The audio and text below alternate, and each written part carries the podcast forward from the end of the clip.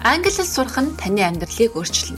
Та хэлээ сайжруулангаа Австралийн соёл, амьдралын хэв маягийн тухай SBS Learning English-с сураарай.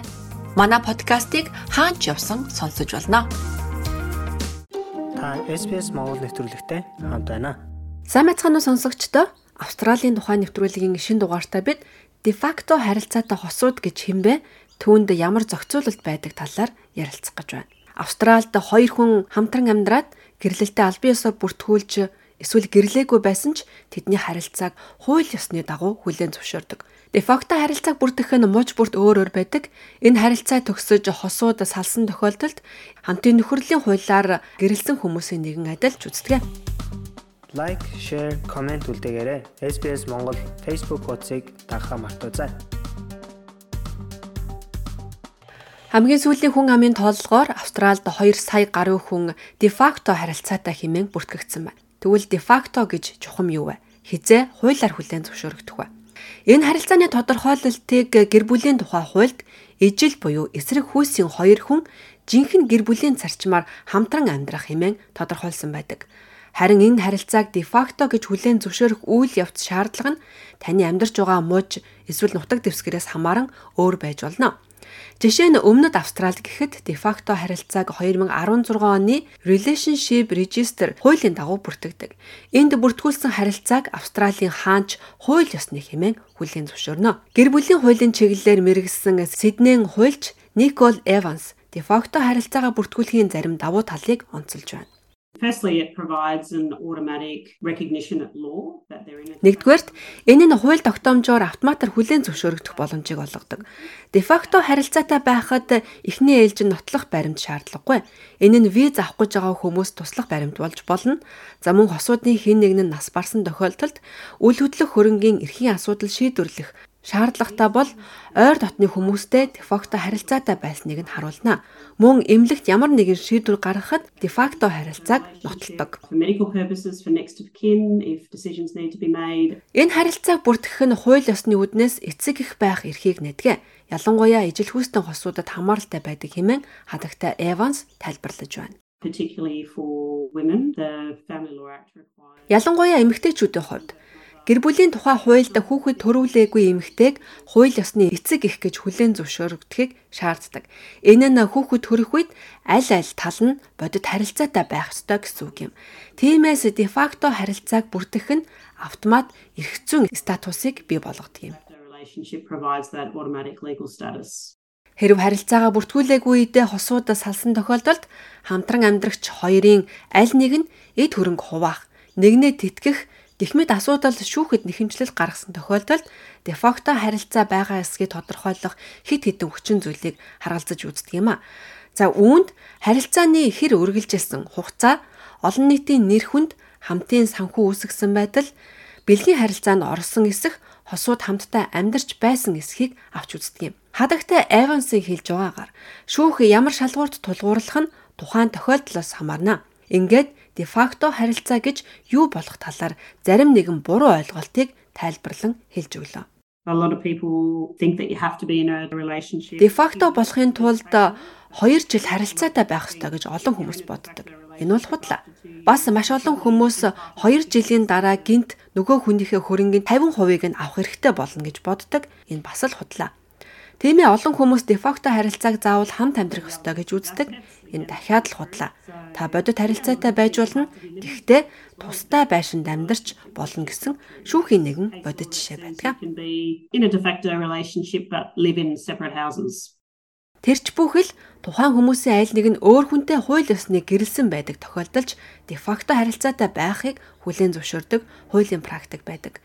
Брисбен хотын гэр бүлийн хуулийн чиглэлээр мэрэгссэн хуульч Димэн Грир ингэж тайлбарллаа. Энэ бол тиймч нийтлэг тохиолддог вэ? Харин нөгөө талаас гэрэлсэн боловч салаагүй дараа нь тэд дефакто харилцаанд орсон хүмүүсийн тохиолдол олон байдаг. За үүнийг тайлбарлах гээд оролтъё. Нөхөр нь гэрэлсэн тэр гэр бүлийн харилцаа аль хэдийн тасарсан. Гэхдээ хин нэгэнд салгаар шүүхэд хандаагүй. Тэр үед нөхөр нь өөр хүнтэй үерхэж албан ёсоор гэрлээгүй мөртлөө 5 6 жил хамт амьдарсан байдаг. Тэгэхээр энэ хүний хувьд гэрэлсэн бас дефакто харилцаатай болж байна гэсэн үг. Дефакто харилцаатай хосууд салсан тохиолдолд тэдний хүүхэдтэй холбоотой асуудал эцэг эхийн зохицуулалт хүүхэдтэйгээ харилцах гэх мэт маргааныг шүүх гэрэлсэн хосуудын нэгэн адилаар шийдвэрлэдэг. Санхүүгийн асуудал, түүний дотор хөрөнгө хуваах, хамтран амьдрагчийн асуудалтай холбоотой шүүхийн шийдвэрийн хүсэлтийг онцгой нөхцөл байдлаас бусад тохиолдолд дефакто харилцаас салснаас 2 жилийн дотор гаргах ёстой. You can seek leave of the court. Хугацаа хожихын тулд та шүүхэд хүсэлт гаргаж болно. Гэхдээ энэ нь таны шийдвэрлэх ёстой бусад асуудлууд хэвээрээ байгаа гэсэн үг шүү дээ. За магадгүй энэ нь илүү төвхтэй байж болох юм. Тиймээс 2 жилдээ багтааж өргөдөл гаргах нь зүйтэй. Эсвэл салсан хамтрагчтайгаа тохиролцоонд хүрч болно. Гэхдээ үүнийг хууль ёсны хүчинтэй эсхийг баталгаажуулах ёстой. Үнэхээр чухал зүйл бол үүнийг зохих ёсоор баримтжуулан авах ёстой. Тохиролцоогоо баримтжуулах хоёр арга бий.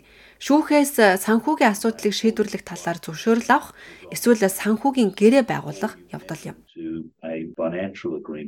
Хадагтай Эванс хэлэхдээ гэрэлсэн хосуудтай адил дефакто хосууд харилцааныхаа аль ч үе шатанд санхүүгийн гэрээ байгуулж болдог.